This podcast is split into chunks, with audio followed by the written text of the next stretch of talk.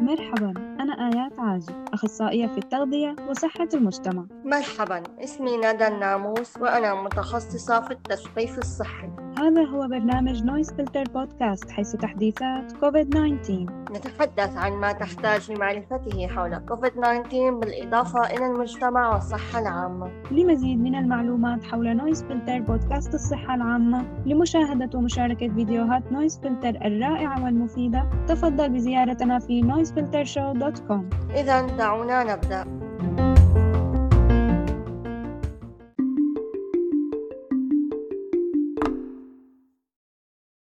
يعلم معظمنا أنه من المهم البقاء نشيطًا بدنيًا خلال تقدمنا في العمر من أجل صحة العظام، لتقليل مخاطر الإصابة، لإبقائنا مستلقين ومتحركين لأطول فترة ممكنة، والعديد من الفوائد الصحية الأخرى، ومع ذلك فإن البقاء نشيطًا عقليًا لا يقل أهمية عن صحتنا العامة.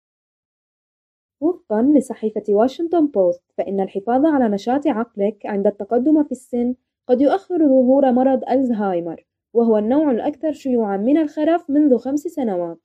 وجدت الأبحاث المنشورة في مجلة نيورولوجي أن الأنشطة المعرفية المحفزة التي تتضمن البحث عن المعلومات أو معالجتها مثل قراءة الكتب أو المجلات أو الصحف وكتابة الرسائل ولعب ألعاب الورق وألعاب الطاولة أو لعبة الدامة وحل الألغاز يبدو أنها تضيف وقتًا خاليًا من الخرف لحياة كبار السن. شمل البحث 1903 أشخاص بمتوسط عمر 80 عامًا. تم تتبعهم واختبارهم لمدة تصل إلى 22 عامًا. في ذلك الوقت أصيب 457 مشاركًا بمرض الزهايمر. بالنسبة لأولئك الذين قاموا بأكثر الأنشطة تحفيزًا للدماغ في وقت لاحق من حياتهم حدث مرض الزهايمر في المتوسط في سن الرابعة والتسعين. وبالمقارنة مع أولئك الذين لديهم أقل قدر من النشاط المعرفي فقد أصيبوا بمرض الدماغ التنكسي في سن التاسعة والثمانون. يؤثر مرض ألزهايمر على الذاكرة والتفكير والسلوك مع اشتداد الأعراض في نهاية المطاف بما يكفي للتدخل في المهام اليومية الروتينية. وفقا لجمعية ألزهايمر يعاني اليوم حوالي ستة ملايين أمريكي من 65 عامًا وأكثر من المرض. ثلثيهم من النساء. من المتوقع أن يصل هذا الرقم إلى ما يقرب 13 مليون بحلول عام 2050 ويمكن لعلماء الجامعة اكتشاف طرق للوقاية من المرض أو علاجه أو حتى إبطائه. وجد الباحثون أنه لا التعليم ولا النشاط المعرفي في وقت مبكر من الحياة مرتبطان بالعمر الذي يصاب به الشخص بمرض ألزهايمر. بدلا من ذلك يبدو أن ما تفعله لاحقا في الحياة يحدث فرقا. المغزى من هذه القصة هو أنه لم يفت الأوان بعد لبدء الأنشطة التي تعزز التحفيز المعرفي. شجع أحبائك المسنين على البقاء مشغولين عقليا لأنه يمكن أن يشتري لهم أغلى شيء يمتلكه أي منا الوقت.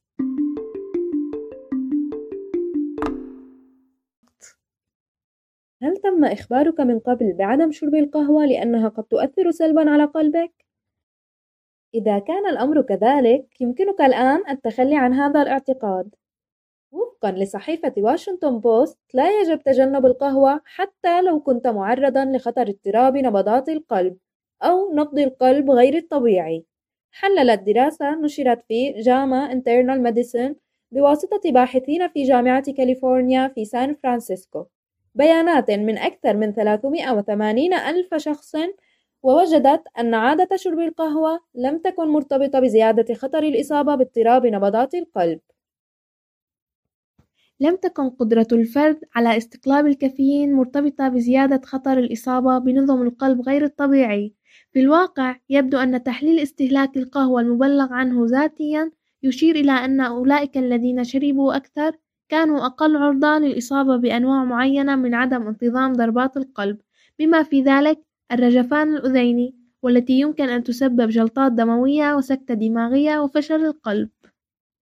يقول دانيال كانتيلون رئيس قسم الفيزيولوجيا الكهربائية للقلب في عيادة كليفلاند أن الكافيين دواء معقد للغاية بشكل عام منبه قوي للجهاز العصبي ومنبه ضعيف نسبيا لنظام الأوعية الدموية على الرغم من أن الكافيين يرفع مستويات الكاتيكولامينات والهرمونات التي يمكن أن تزيد جزئيا من معدل ضربات القلب كما قال كانتيلون إلا أنه يمكن أن يؤدي أيضا إلى استجابات أخرى قد يكون لها تأثير موازن في القلب. بالإضافة إلى ذلك تشير الدلائل المتزايدة إلى أن الرجفان الأذيني قد يكون مرتبطا بالالتهابات. والقهوة المعروفة باحتوائها على بعض الخصائص الطبيعية المضادة للأكسدة. حذر فريد كوسوموتو اختصاصي الفيزيولوجيا الكهربية ومدير خدمات نظم القلب في مايو كلينيك في فلوريدا. من المبالغة في تفسير نتائج الدراسة قائلا هذا لا يعني أنني سأبدأ في شرب القهوة لمنع الرجفان الأذيني. أولا من الصعب تحديد ما إذا كان استهلاك القهوة وحده مسؤولا عن تقليل مخاطر عدم انتظام ضربات القلب. قد تكون هناك عوامل أخرى يصعب قياسها مثل عادات النوم والنظام الغذائي. يتابع دانيال كانتيلون ليقول إذا كنت تستمتع بالطعم والنكهة والتأثيرات المباشرة على تركيزك بعد شرب القهوة فإن هذه الدراسة وغيرها من الدراسات المشابهة تشير إلى أنه لا توجد أضرار على القلب والأوعية الدموية مرتبطة بشرب القهوة. فقط تذكر مقولة افعل كل شيء باعتدال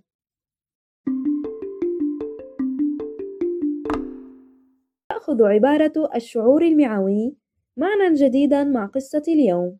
هذا لأن ما يحدث في أمعائك يمكن أن يساهم في أكثر من مجرد صحتك الجسدية.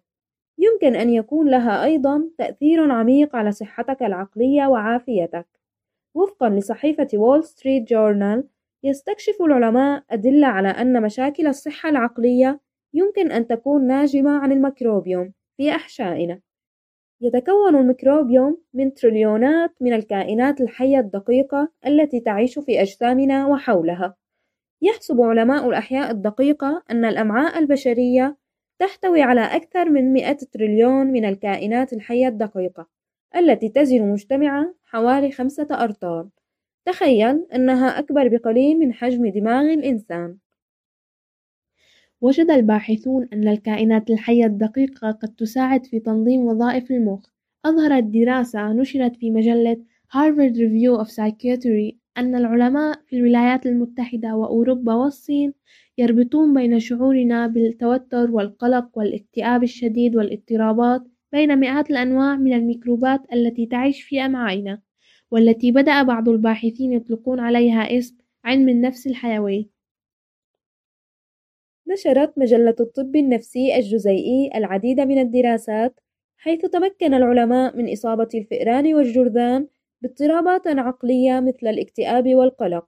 لقد أنجزوا ذلك عن طريق زرع عينات البراز التي تحتوي على ميكروبات الأمعاء من مرضى بشريين إلى حيوانات المختبر. قال جوليو ليسينيو طبيب نفسي مقيم في نيويورك إنه في الواقع قابل للانتقال. عندما تعطي هذه الفئران ميكروبات الاكتئاب فإنها تبدأ في التصرف بطريقة تشبه الاكتئاب التغييرات السلوكية التي شوهدت في الفئران كانت مثل تغيرات في الشهية والأنشطة وزيادة الوزن. يأمل العلماء في اكتشاف كيفية تفاعل هذه الميكروبات مع الجهاز العصبي المركزي للإنسان. وما الإشارات التي ترسلها إلى الدماغ؟ وكيف يغير ذلك سلوك الشخص أو خطر الإصابة بمرض عقلي؟ يتكهن الأطباء بأن البكتيريا النفسية المعوية يمكن أن تقلب الموازين نحو المرض العقلي إذا كان لدى الشخص بالفعل عوامل الخطر الجينية لاضطرابات مثل مرض الزهايمر أو باركنسون أو اضطراب الاكتئاب الشديد. على الرغم من عدم معرفة أحد بالضبط لماذا يعاني المرضى الذين يعانون من اضطرابات نفسية مختلفة بما في ذلك الاكتئاب واضطراب ثنائي القطب والفصام واضطراب طيف التوحد من اضطرابات كبيرة في تكوين ميكروبيوم أمعائهم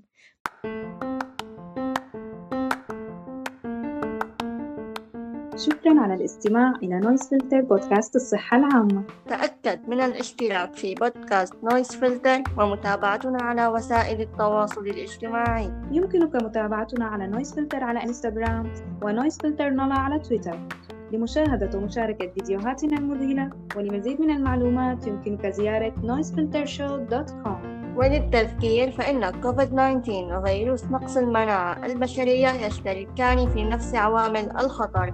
يمكنك معرفة المزيد على www.scaepc.org أي من كلمات أخيرة آيات استمر في اتخاذ الخطوات للحفاظ على صحتك وصحة أحبائك. يتضمن ذلك اتباع نظام غذائي جيد ممارسة الرياضة ومراجعة طبيبك الخاص بشكل دوري.